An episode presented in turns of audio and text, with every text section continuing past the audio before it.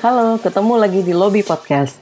Di episode kali ini, kita akan coba untuk ngebahas mengenai ketergantungan anak pada gadget, terutama di masa pandemi ini ya. Banyak orang tua yang mungkin mau tahu apakah anaknya udah bisa dibilang ketergantungan sama gadget atau belum. Mungkin akhir-akhir ini mereka ngasih kelonggaran sama anak-anaknya karena mikir ya udahlah, lagi pandemi gini mereka di rumah doang juga daripada bosen minta jalan-jalan. Yuk kita bahas bareng gue Vini. Halo, gue Niko. Gue Ardi. Nah, untuk ngebahas soal ini, udah hadir di lobby podcast Mbak Dina Dasuki, seorang trainer anak dan remaja. Halo Mbak Dina. Halo Mbak Dina. Halo, halo semua, Mas Hai. Niko juga teman-teman. Mbak Dina, boleh ya dikenalin dulu siapa Mbak Dina? Supaya teman-teman tahu kita lagi ngobrol sama siapa nih. Boleh. Eh, halo teman-teman, Eh, saya Dina Desuki. Eh, jadi dulu sekolah, sempet sekolah gitu ya, sekolah kuliah di psikologi UIN Syarif Hidayatullah. Alhamdulillah udah lulus, terus kemudian selama selama kuliah itu juga ikut bergabung di yayasan Kita dan Buah Hati. Mungkin dulu pernah dengar ada psikolog namanya Bu Eli Risman. Nah, saya juga bergabung di situ sebagai trainer anak dan remaja. Kemudian eh, sekarang sebenarnya yayasannya sudah sudah tutup, tapi ada beberapa teman-teman yang buka lagi eh, tetap meneruskan yayasannya. Jadi saya masih kerja sama jadi trainer di sekolah-sekolah dari tahun 2013 sampai sekarang itu ketemu dengan uh, nge-training apa ya tentang gadget, tentang em, media, tentang pubertas dari mulai kelas 1 SD sampai juga ke kelas 3 SMA. Nah, kemarin sempat juga ngisi-ngisi udah mulai ngisi ke anak eh, kuliah juga kita ngomongin tentang self branding, terus kemudian ya kerjasama dengan beberapa platform juga ada ada platform telekomunikasi Telkomsel kemarin baru aja itu kita ke beberapa daerah empat daerah untuk ngomongin tentang positifnya bergadget gitu karena kan gadget sekarang udah ya udah jadi kayak kebutuhan kita ya gitu apalagi di tengah pandemi ini jadi aku lebih banyak ngomongin tentang gadget dan juga psikologi gitu sih Keren-keren. Mantap. Oke, pas banget nih Mbak Dina. Jadi emang sekarang kita pengen ngebahas masalah ini ya. Jadi anak-anak yang pada di rumah terus, apalagi di masa pandemi gini kan nggak bisa ke mana-mana. Jadi mereka bisa tuh berjam-jam pegang gadget. Yang kita pengen tahu, anak ini tuh udah kecanduan atau belum sih? Gimana sih cara mencegahnya? Gimana cara mengatasinya kalau emang udah kecanduan? Kita ada beberapa pertanyaan sih. Mungkin bisa dimulai dari Smith ya. Iya. Iya Mbak Dina. Yuk. Eh, kebetulan aku nih punya anak umur mau menuju 12 tahun. Dari SD mau ke SMP. Anak aku ini termasuk anak yang visual dalam artian dia lebih mengerti kalau ngelihat sesuatu yang dijabarkan secara ada audionya dan ada visualnya. Jadi kalau ngomongin gadget, gue itu sebenarnya merasa tertolong dengan adanya platform-platform seperti YouTube. Jadi di mana ngajarin matematika secara visual itu jauh lebih gampang dia cerna dibandingkan dia harus diajarin dia sekolah. Itu yang gue rasain. Dan kemudian dia juga tidak suka membaca buku komik kayak gue pada zaman dulu. Jadi vocabnya itu kurang, vocab bahasa Indonesia-nya itu sangat kurang karena tidak suka membaca buku secara manual. Dibeliin buku komik di Gramedia, dia nggak suka. Tapi dia seneng banget nonton sebuah cerita dari platform YouTube. Nah, tapi mamahnya ini agak kontradiksi ya sama sama gue membebaskan anak gue. Karena gue mer- merasa melihat banyak anak gue terbantu sama platform ini. Memang gue membatasi anak gue untuk tidak menginstal Facebook, Twitter, dan beberapa beberapa platform yang gue larang untuk dia install. Tapi gue membebaskan dia mengakses YouTube Kids. Hmm, Nah, terus pertanyaannya adalah sampai batas mana sih bisa dibilang seorang anak itu mempunyai ketergantungan pada gadget? Sebenarnya kalau dibilang ketergantungan pada gadget itu orang-orang yang udah ketergantungan berarti sudah ini ya kompleks eh, permasalahannya baik itu dalam otaknya dia dan juga perilakunya dia. Jadi kalau misalnya itu udah eh, kayak misalnya dipanggil udah nggak nengok berkali-kali dipanggil dipanggil nggak nengok-nengok itu kan udah bermasalah dong sama lingkungannya kok nih anak jadi nggak care sama lingkungan sendirinya malah dia Oke.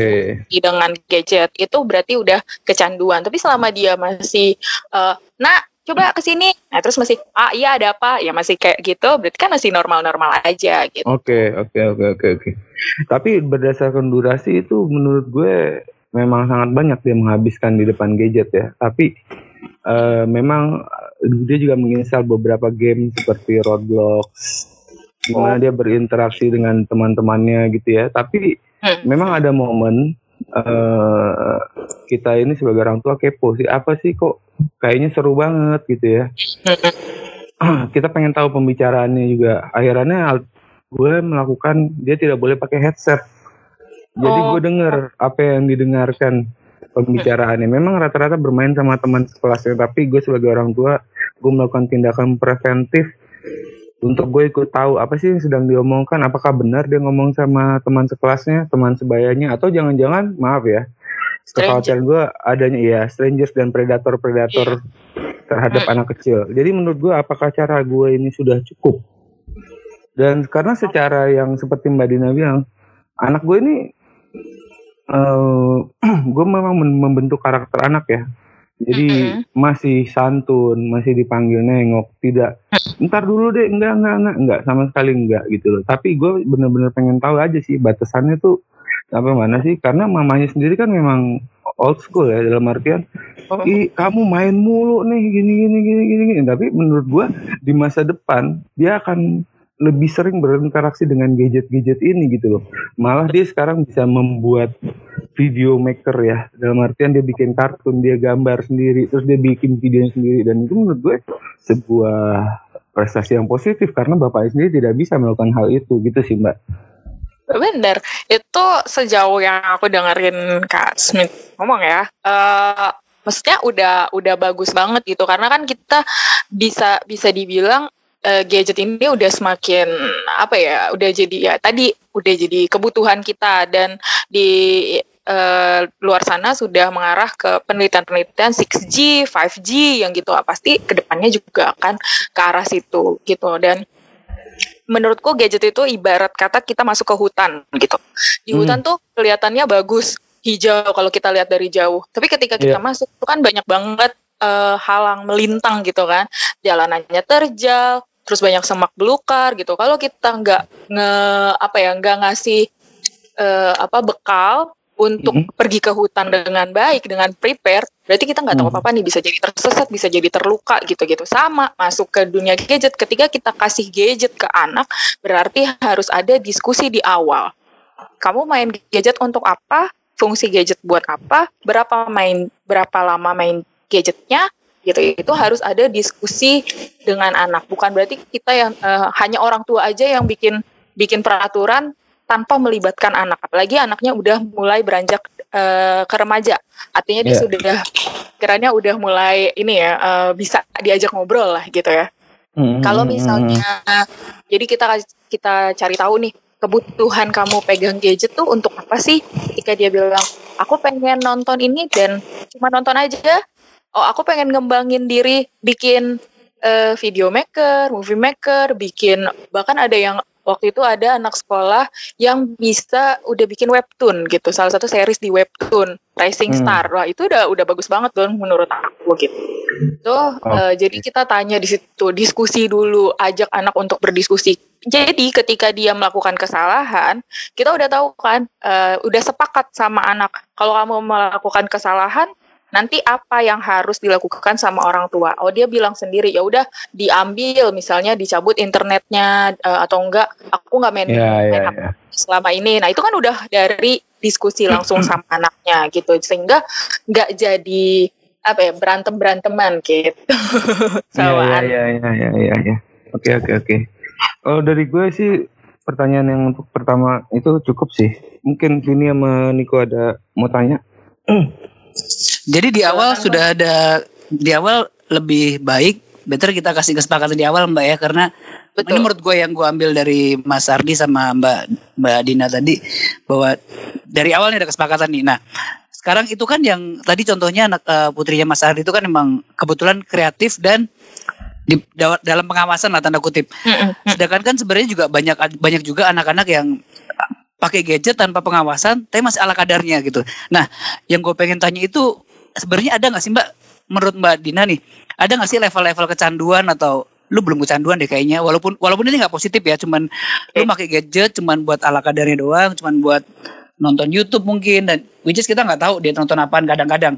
Kemudian eh, apa namanya main game yang sekali lagi kita juga kadang nggak tahu lu main sama siapa. Yang tadi Mas Ardi bilang banyak stranger banyak banyak quote to quote banyak predator anak juga sekarang sekarang via online lah ya via sosmed dan lain-lain. Nah kira-kira ada nggak sih Mbak level-level tadi Mbak Dina Mbak Dina juga sempat bilang kalau lu megang gadget lama tapi dipanggil ibunya masih iya mah Dek, dat iya kenapa masih itu? Tapi kan banyak kadang-kadang datang nih masih me- megang gadget, masih megang, ay, iya mah bentar-bentar gitu. Nah, sejauh apa sih sebenarnya? Kira-kira ada nggak Mbak Dina, menurut Mbak Dina level-level kecanduan gadget untuk anak-anak gitu? Kalau orang tua kayak kita kan, sorry bukan gua orang tua, maksudnya eh, orang dewasa gitu kan sudah tahu nih kapan harus stop. Gua ngantuk ya udah gua gak paksain. Mata gua mulai sakit ya udah gua gak paksain. Gua ada kerjaan, gua stop pegang gadget gitu. Kalau menurut gua gitu. Tapi kalau anak-anak kira-kira sejauh apa Mbak levelnya Mbak? Sejauh dia eh, tidak bisa, kalau menurut aku ya, ini dari yang materi-materi yang pernah aku baca, itu dia udah nggak bisa melakukan hal-hal aktivitas yang seharusnya dia lakukan, tapi dia udah nggak mau melakukan. Misalnya, dia harus mandi, tapi dia nggak mau mandi. Dia lebih Hmm, pilih pegang gadget. iya iya Dia iya iya. harus sholat, Iya. tapi dia nggak mau sholat, nggak mau Betul, beribadah. setuju, setuju. Dia Iya mau betul. makan gitu, harus makan kan? Makan Betul, minum itu betul. wajib buat hidup. Betul. Tapi dia nggak mau makan, nggak mau minum. Itu udah level Betul. kecanduan. Bahkan kalau yang tertingginya udah kecanduan, eh, anggap main game. Gadget itu kan satu plat, eh, cuma alatnya ya, tapi di dalamnya yang lebih eh, serem lagi nih. Misalnya Exactly, game, setuju Mbak. eh, atau film atau dia kecanduan bersosial media gitu kan. Kalau dia contoh contoh satu adalah main game. Dia kecanduan main game game online yang eh, Roblox ini ada waktu itu aku ketemu anaknya ada aja kayaknya ya.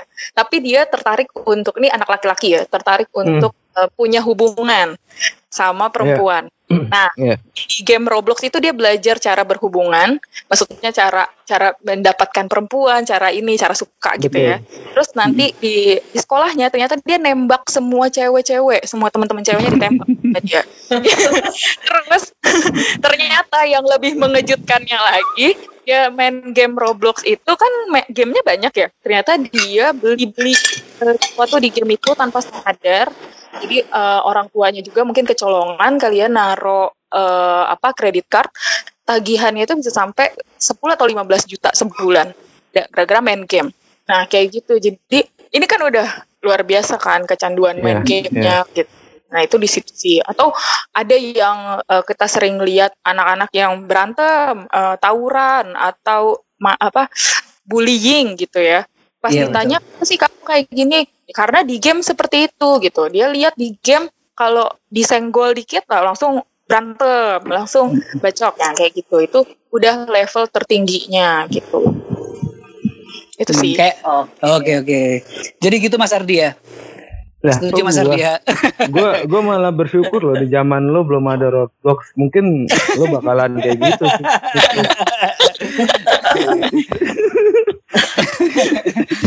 Jangan gampang ngegas Mas.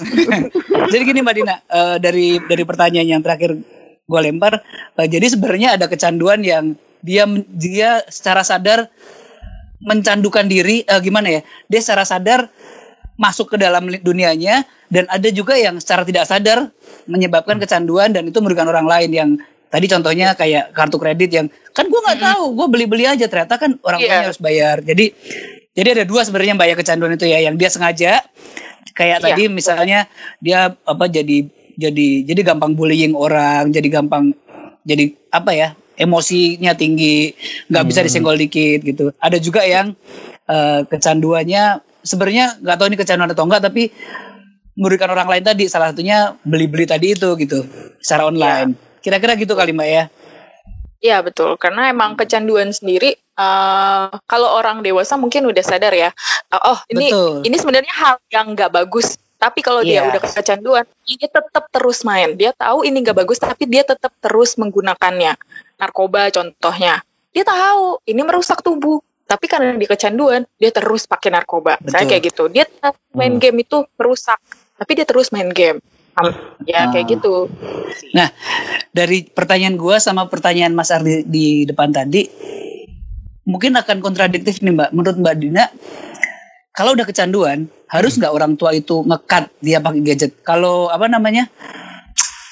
Narkoba tadi contoh orang dewasa, lu harus mau nggak mau harus lu cut itu karena kriminal dan lain-lain. Tapi sedangkan kalau gadget, kan ke depan kita akan membutuhkan terus, terutama anak-anak anak-anak di masa depan pasti akan bekerja, mungkin 70% akan menggunakan gadget, bahkan semua belanja aja sekarang bisa pakai gadget. Nah, itu Iya, gimana betul. Mbak?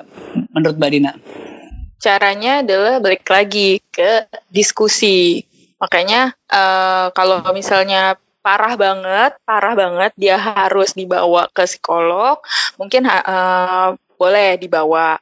Kalau penyembuhan, setahu aku kalau misalnya kecanduannya terhadap eh, pornografi itu lama ya penyembuhannya sampai tujuh kali atau 10 kali pertemuan dan dia harus diubah diubah cara berpikirnya, diubah perilakunya itu harus kayak gitu. Bahkan kayak kecanduan main game juga sama seperti itu.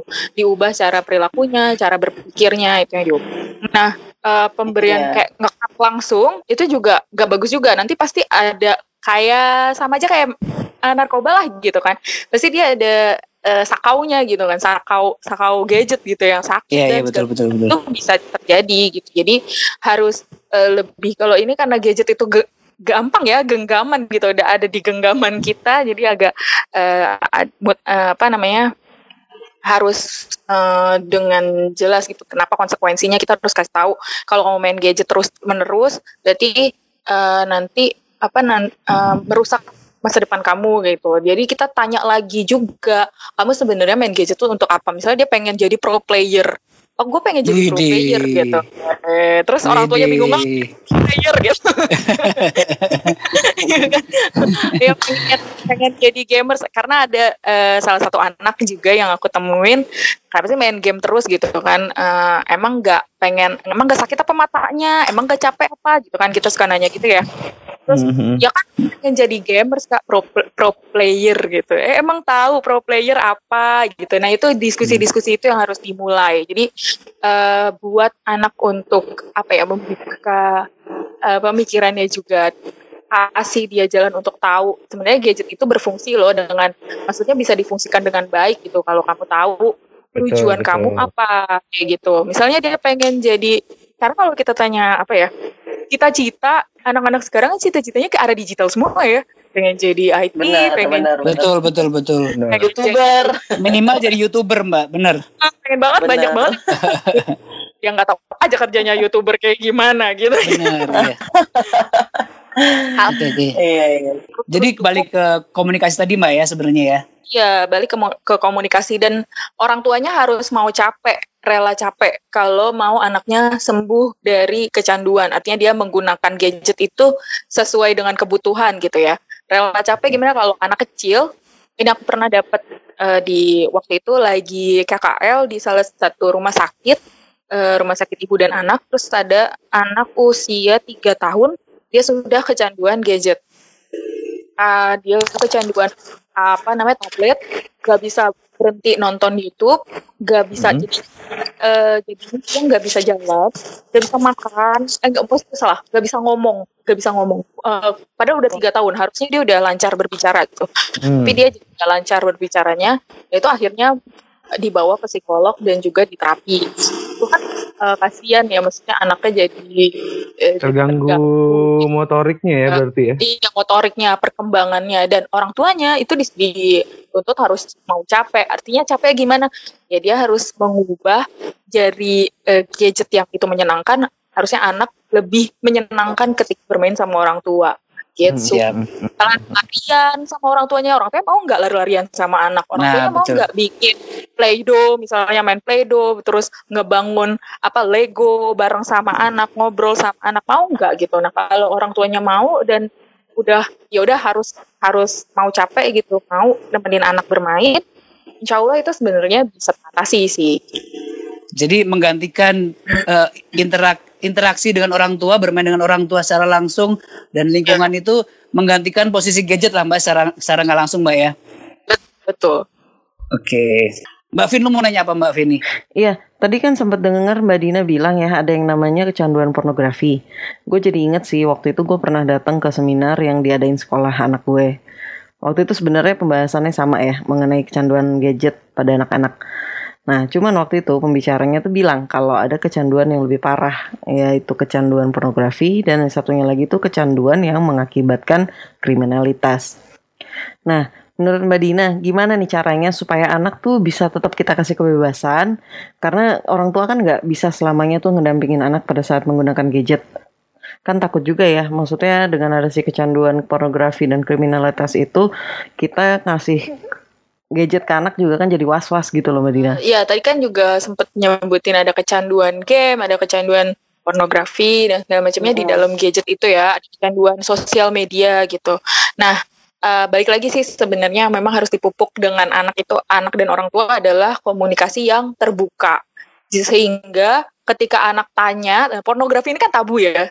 Eh, apa ya Mm. hal yang enggak no, eh, kurang enak untuk dibicarakan gitu dengan apalagi anak-anak gitu. Nah, eh, padahal mereka butuh pendidikan seksualitas di eh, sejak dini mungkin. Emang pendidikan seksualitas itu bukan ngomongin tentang pornografinya, tapi tentang dia menjaga dirinya, menjaga tubuhnya, sehingga ketika dia ketemu strangers atau ketemu hal-hal yang buruk atau ketemu dengan gambar-gambar atau video yang mengeksploitasi tubuh, dia tahu bahwa itu tidak baik gitu dan dia tidak meneruskan untuk lihat lebih lanjut lagi. Seperti itu sih Kak.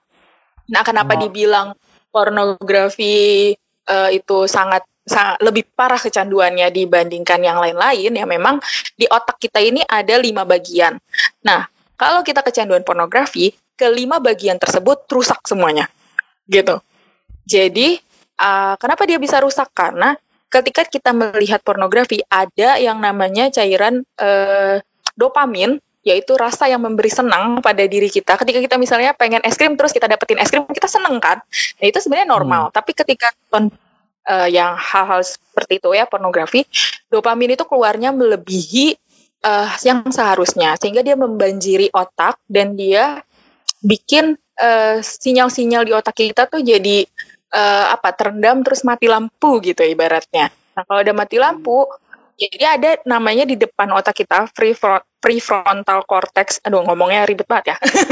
PFC ini ini tempatnya eh, direkturnya, ibaratnya direkturnya manusia. Dia Hmm. yang membedakan baik dan buruk, benar atau tidak. Kemudian dia yang memutuskan sesuatu besok mau ngapain, besok mau eh, aku pengen jadi apa harus ngapain. Itu ini adalah direktur kita si PFC. Nah, si sayangnya si pornografi merusaknya bagian PFC tersebut. Dia eh, membesarkan bagian amigdala, amigdala apalagi itu pokoknya tentang eh, emosi gitu ya, emosi kita yang pengen bikin kita makan, pengen kita terus-terusan minum, kayak dia susah banget, kenapa? Nah itu amigdalanya besar tuh berarti. Nah itu eh, jadi dia kalau udah kena pornografi si amigdalanya besar sehingga dia terkait, terikat dengan pornografi. Kalau nggak lihat pornografi resah, kalau nggak lihat pornografi gelisah, gak nyaman hidupnya. Ya dia terus-terusan nonton pornografi. Nah apa yang terjadi? Jadinya terus-terusan terekam di otaknya, ya kan? Dia bisa jadi eh, kalau laki-laki dia bisa mungkin paling parahnya adalah memperkosa. Untuk yang perempuan, kalau udah kecanduan pornografi, dia mengeksploitasi tubuhnya sendiri di Hmm. sosial media. Serem banget ya. Ya dia kejar-kejar cowok, minta dicium, minta dipeluk, kayak itu bisa jadi kayak gitu. Hmm, hmm, hmm. Kan padahal kan kita harus bilang bahwa tubuh anak kita adalah tubuh yang sangat berharga gitu kan. Nggak boleh disentuh oleh orang lain kecuali sama dirinya sendiri sama mamahnya sama papa aja nggak boleh kan. Harus ada eh, harus ada apa alasan kenapa menyentuh bagian tubuh tersebut. Dokter pun seperti itu harus ada alasan kenapa menyentuh bagian tersebut. Nah orang lain selain itu nggak boleh sentuh tubuh kamu gitu. Kecuali memang udah nikah ya sama suaminya ya boleh lah gitu kan. Ya, ya, ya. kayak ya. gitu di kita komunikasikan ke anak di awal. Jadi ketika dia melihat ada gambar atau video yang mengeksploitasi tubuh harus hindari gitu, hindari pokoknya hindari dan ceritakan jangan sampai anak kita malu untuk menceritakan itu. Gak apa-apa cerita ke mama kalau nemuin hal itu. Gak apa-apa cerita ke papa kalau tem menemukan gambar. Tadi aku lagi main game, eh masa ada gambar kayak gini gitu kan? Hmm, Oh, hmm, hmm, hmm. baik gak hal itu? Iya nggak baik. Terus kamu ngapain? Oh aku tuh tuh kok berarti kamu anak yang hebat. Kamu ini ya kayak gitu. Oke, Iya, berarti iya, emang iya, penting iya. ya peranan orang tua ya untuk ngawasin anak-anak dalam menggunakan gadget. Sangat penting, sangat penting. Nggak kalau dulu mungkin gini ya, jagain anak perempuan lebih susah dibanding jagain anak laki-laki. Sekarang enggak ya. Dua-duanya Iya, susah. dua-duanya. Ya, gitu. Dua-duanya bahaya, punya bahaya yang sama gitu. Jadi ya ya komunikasi yang harus dijalanin itu benar-benar harus ya, apa ya terjalin dengan baik lah antara orang tua dan Mhm. anak. Iya iya iya benar. Eh, ada lagi nggak yang mau ditanya kira-kira? Smith atau Coach? Gue sih mau nanya lagi dong Mbak. Eh, kayak gue ngerasa gue ya, gue sendiri gue pribadi ngerasa ada beberapa platform sosial media yang menurut gue agak toksik. Ma Hmm. malahan malahan cenderung sangat toksik ya. Ada politik yang saling menjelekkan, membuat karakter orang jadi tidak bersahabat lah. Tidak tidak bisa menghargai sesama manusia menurut gue jadinya. Itu sebaiknya diakses sama anak yang baru beranjak mau masuk SMP itu kapan sih? Atau platform itu diperuntukkan untuk usia berapa sih sebenarnya? Apa ada risetnya nggak Mbak Dina? Itu sih. Iya. Eh, kalau platform itu sebenarnya kan memang di eh, apa kayak kita masuk ke iOS atau ke Play Store itu sudah sudah, Hmm. sudah ada ya maksudnya si Hmm, Instagram ini untuk anak usia berapa, si si TikTok untuk anak usia berapa, Facebook untuk anak usia berapa gitu kan. Sesuaikan aja sebenarnya dengan hal tersebut karena biasanya mereka sudah melakukan riset. Tetapi kita biar lebih lebih tenang lagi, kita Mhm. juga tadi kasih lagi maksudnya kamu kalau mau buka sosial media boleh nggak eh, orang tua ya gitu karena dia masih di bawah usia ya maksudnya di bawah 17 tahun gitu ya Betul, boleh nggak sih betul. platformnya itu eh, ID-nya diketahui sama orang tua juga passwordnya gitu boleh nggak diketahuin sama kita Ya, berarti Kenapa? Misalnya kan hanya karena tak eh, kita bilang kalau memang orang tua khawatir gitu. Kita kasih tahu perasaan kita ke anak. Kita khawatir ada hal ini, ada hal itu gitu. Ayah takut nih kamu nanti ke bawah-bawah seperti ini. Mama takut nih kamu ke bawah-bawah seperti ini gitu. Jadi supaya anak juga oh ternyata nyokap bokap gue tuh emang khawatir bukannya kepo-kepo doang. Nah, tapi di sini juga peran orang tua nih Iya, iya, jangan iya, iya. sampai kita melebihi batas. Udah kita dikasih akses sama anak, terus kita jadi kepo. Udah gitu kita nge ngecengin anak gitu misalnya. Iya, Ih, iya, kamu iya, lagi pacaran ya, kamu DM sama ini ya. Ah, itu Betul. jangan sampai kayak gitu. Itu ah, Iya, iya, membuat insecure sama orang tua sendiri. Oh, ternyata ya dikasih tahu malah kayak gini nih orang tua gue gitu kan. Akhirnya dia nutup mhm, mhm. atau dia bikin second account, third Yes. account. Karena banyak banget anak-anak remaja sekarang kalau ditanya punya platform satu ini, punya akun di platform satu ini, punya berapa akun? Lima. Hah, buat apaan gitu kan? Kok banyak banget? Iya, satu Oh. buat eh, yang diketahui sama orang tua, satu buat sahabat ini, satu buat ngegosip, satu buat ngata-ngatain orang. Astagfirullah banyak bener Ya gitu. hafal gitu ya, Oke. hafal gitu akun-akunnya gitu. Jadi Iya, iya, ya seimbang lah balance gitu. Ya artinya tetap kita harus menjaga privacy ya walaupun itu anak kita ya. Benar. Alhamdulillah eh, tindakan preventif itu udah gue lakuin sih dan anak gue cuman gue kasih akses untuk ya Instagraman doang ya. Karena menurut gue ya tadi seperti gue sebut dua platform itu gue aja kadang resah ngeliat orang komen-komen seusia gue di platform-platform yang gue udah sebutin tadi gitu loh Mbak Dina. Iya benar. Sama sih aku juga ngelihat eh, sekarang be- beberapa platform udah hampir kayak apa ya deep web gitu kayaknya kok Iya, iya. semuanya dikeluarin dengan lantang dengan eh, enaknya gitu kan sampai berantem sana sini berantem sana pusing amat kasihan gitu ngeliat anak-anak remaja sekarang gitu. Tapi kalau aku pikir mungkin karena di masa pandemi ini juga ya orang-orang terperangkap di rumahnya, jadi nggak bisa ngobrol sana sini, akhirnya yang dikeluarin ya lewat sosial media gitu. Nah itu eh, sering-sering ngajak diskusi aja sih kira-kira hal ini boleh nggak sih dilakukan ya kayak gitu-gitu aja kalau dia udah bilang enggak itu nggak boleh dilakukan itu berarti eh, anak-anak sudah menyadari gitu karena menurutku anak-anak sekarang lebih kritis dan lebih pinter ya menghadapi situasi-situasi tersebut kayak hoax aja biasanya yang kena itu orang tua bukan anak-anak Betul. Betul, setuju Nah. banget. Benar, benar. kan Benar. karena dia bisa nyari tahu dari berbagai sumber berbagai sumber Nah, Gitu. Mbak, balik dikit nih Mbak ke yang sebelumnya tadi Mbak. Eh, soal dopamin tadi ya Mbak ya. Kebetulan latar belakang latar belakang gua kan eh, olahraga nih. Mm-mm. Setuju nggak Mbak? Eh, Sebenarnya gini, dopamin itu kan memberikan efek bahagia kan ya.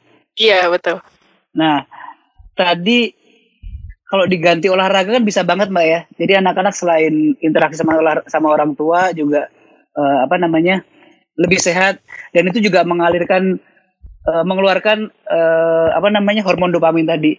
Nah, kira-kira nih mbak, sedangkan sekarang ini kan olahraga juga e-sport banyak mbak.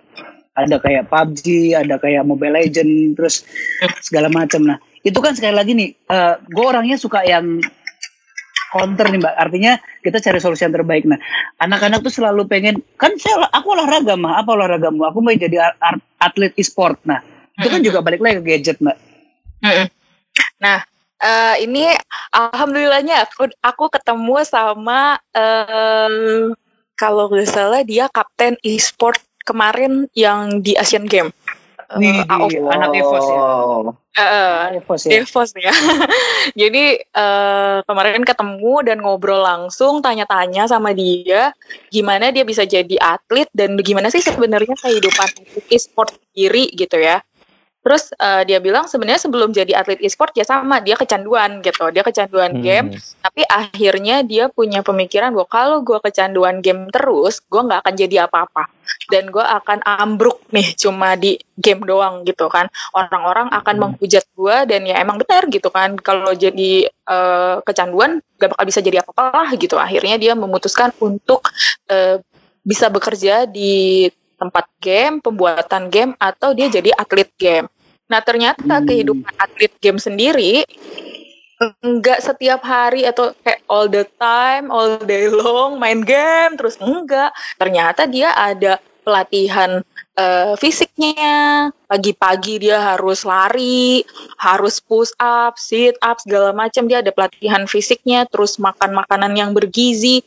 Kemudian dia boleh ngelakuin eh, hobi lain, misalnya eh, main musik gitu kan. Ngedance mungkin dia suka hobi-hobi lain atau ngerakit-ngerakit itu boleh. Terus dia harus sekolah karena biasanya atlet e-sport itu cuma mentok di umur 25 tahun setelah itu pensiun. Gitu jadi dia tetap harus sekolah harus kuliah harus punya pendidikan yang baik. Kemudian baru malamnya itu biasanya dia eh, baru main. Mulai jam 8 atau jam berapa gitu. Pokoknya dia mulai baru mulai malam itu eh, apa tanding ya kayak gitu. Hmm, terus nanti mabar dia mabar. jaga ya mabarnya. Terus nanti dijaga juga eh, tidurnya segala macam itu semuanya kalau atlet dijaga hal-hal tersebut kayak gitu sih. Terus atlet e-sport itu hanya memainkan satu game jadi dia nggak boleh mainin dua atau tiga game boleh sih dua game Oh, Tapi oke. satu eh, salah satu game ini cuma untuk refreshing aja. Nah, sisanya dia memang memang dia diperuntukkan untuk AOV atau untuk PUBG, ya udah main game itu aja, Hmm, main game yang lain karena pecah fokus nanti gitu. Nggak benar. nggak bisa apa me- apa ya bikin strategi yang tepat untuk game tersebut gitu sih. Oke, Setahu jadi balik lagi ke balik ke komunikasi, kemudian konsultasi, kemudian ini di sini ada satu titik bahwa kecanduan nggak selamanya jelek mbak ya. Selama lu mau berkomunikasi dengan orang lain, koordinasi dengan orang yang lebih baik, artinya di sini mungkin kalau anak-anak dengan orang tua, kemudian dengan yang lebih berpengalaman, itu mungkin akan menjadi eh, outputnya akan jadi lebih baik lah intinya mbak. Uh, gitu mbak ya. sebenarnya yang yang jeleknya itu kecanduannya jelek, tapi yang gak jelek itu gadgetnya, gadget dan Oke, permain- permainan itu sebenarnya nggak jelek gitu.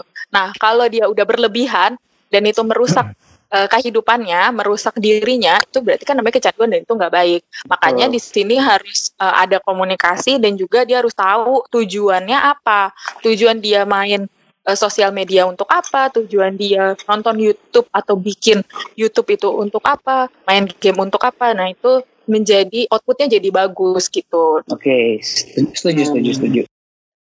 Oke, gue coba ini ya ambil kesimpulan dari pembahasan kita nih yang tadi ya. Yes. Uh, boleh, boleh.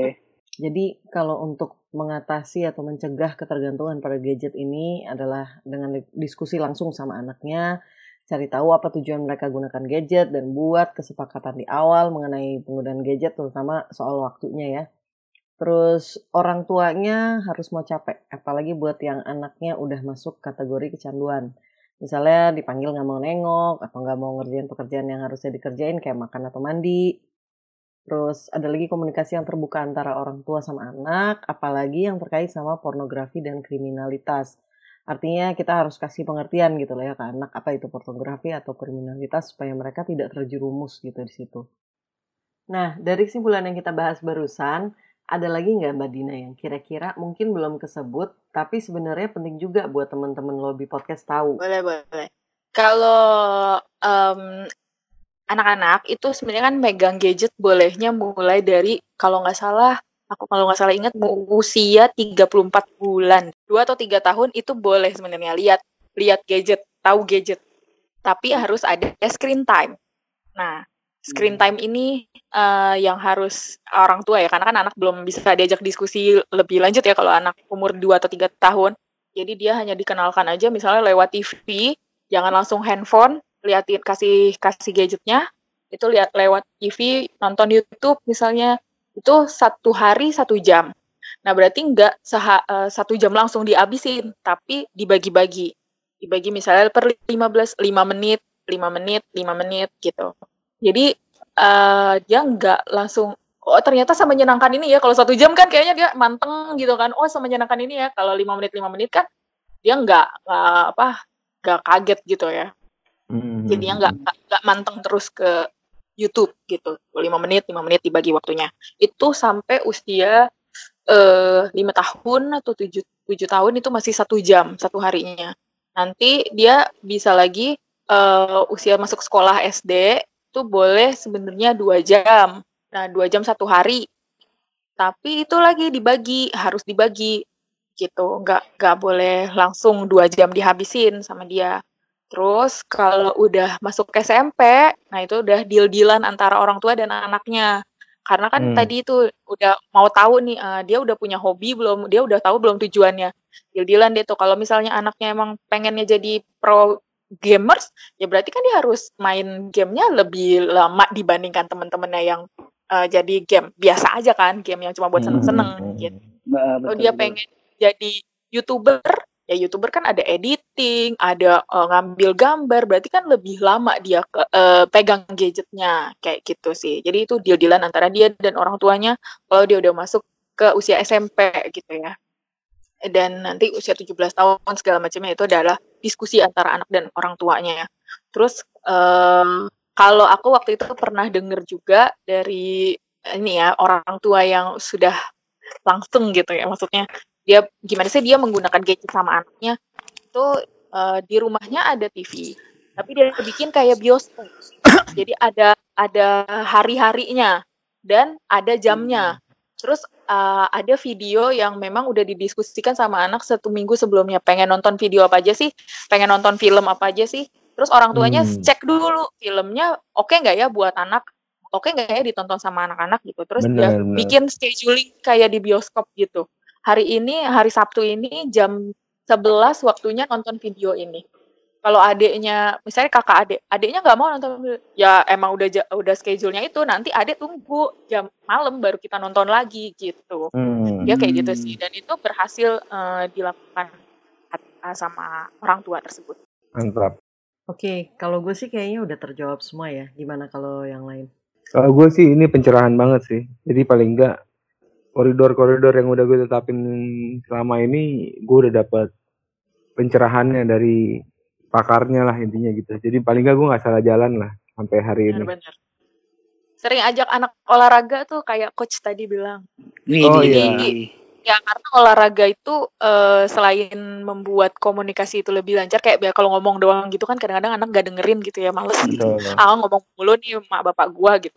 Nah jadi ngobrolnya sambil sambil sambil olahraga, sambil main-main, lari pagi, bikin bikin kegiatan setiap minggunya itu juga lebih seru. Misalnya ngajak main catur yuk gitu. Hah, catur? Iya main catur gimana coba? Ya, itu kan seru. Terus main tebak-tebakan kayak, main lari-larian kayak, main apa kayak, Hmm, oke hmm, main. hmm, Saya hmm. tadi bilang orang tua harus mau capek kalau eh, anaknya mau terbebas dari kecanduan gadget.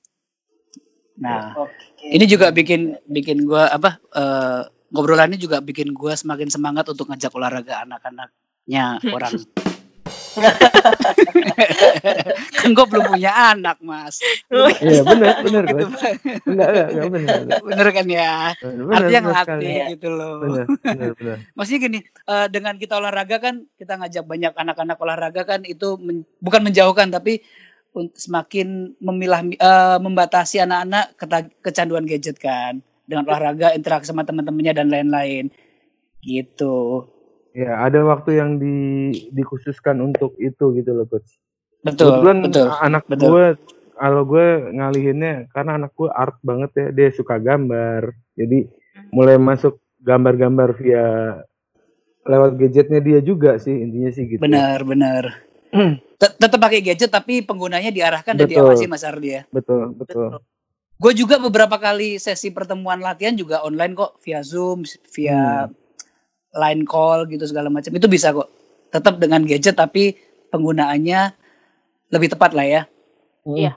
gitu thank you mbak Ya. Dina terjawab nih pertanyaan gue Ternyata pembahasan ini nggak hanya menarik untuk orang yang udah punya anak ya, coach ya. Ternyata yang belum punya anak juga tertarik gitu ya. buat bekal mbak yang pasti buat bekal kita ke depan Iya.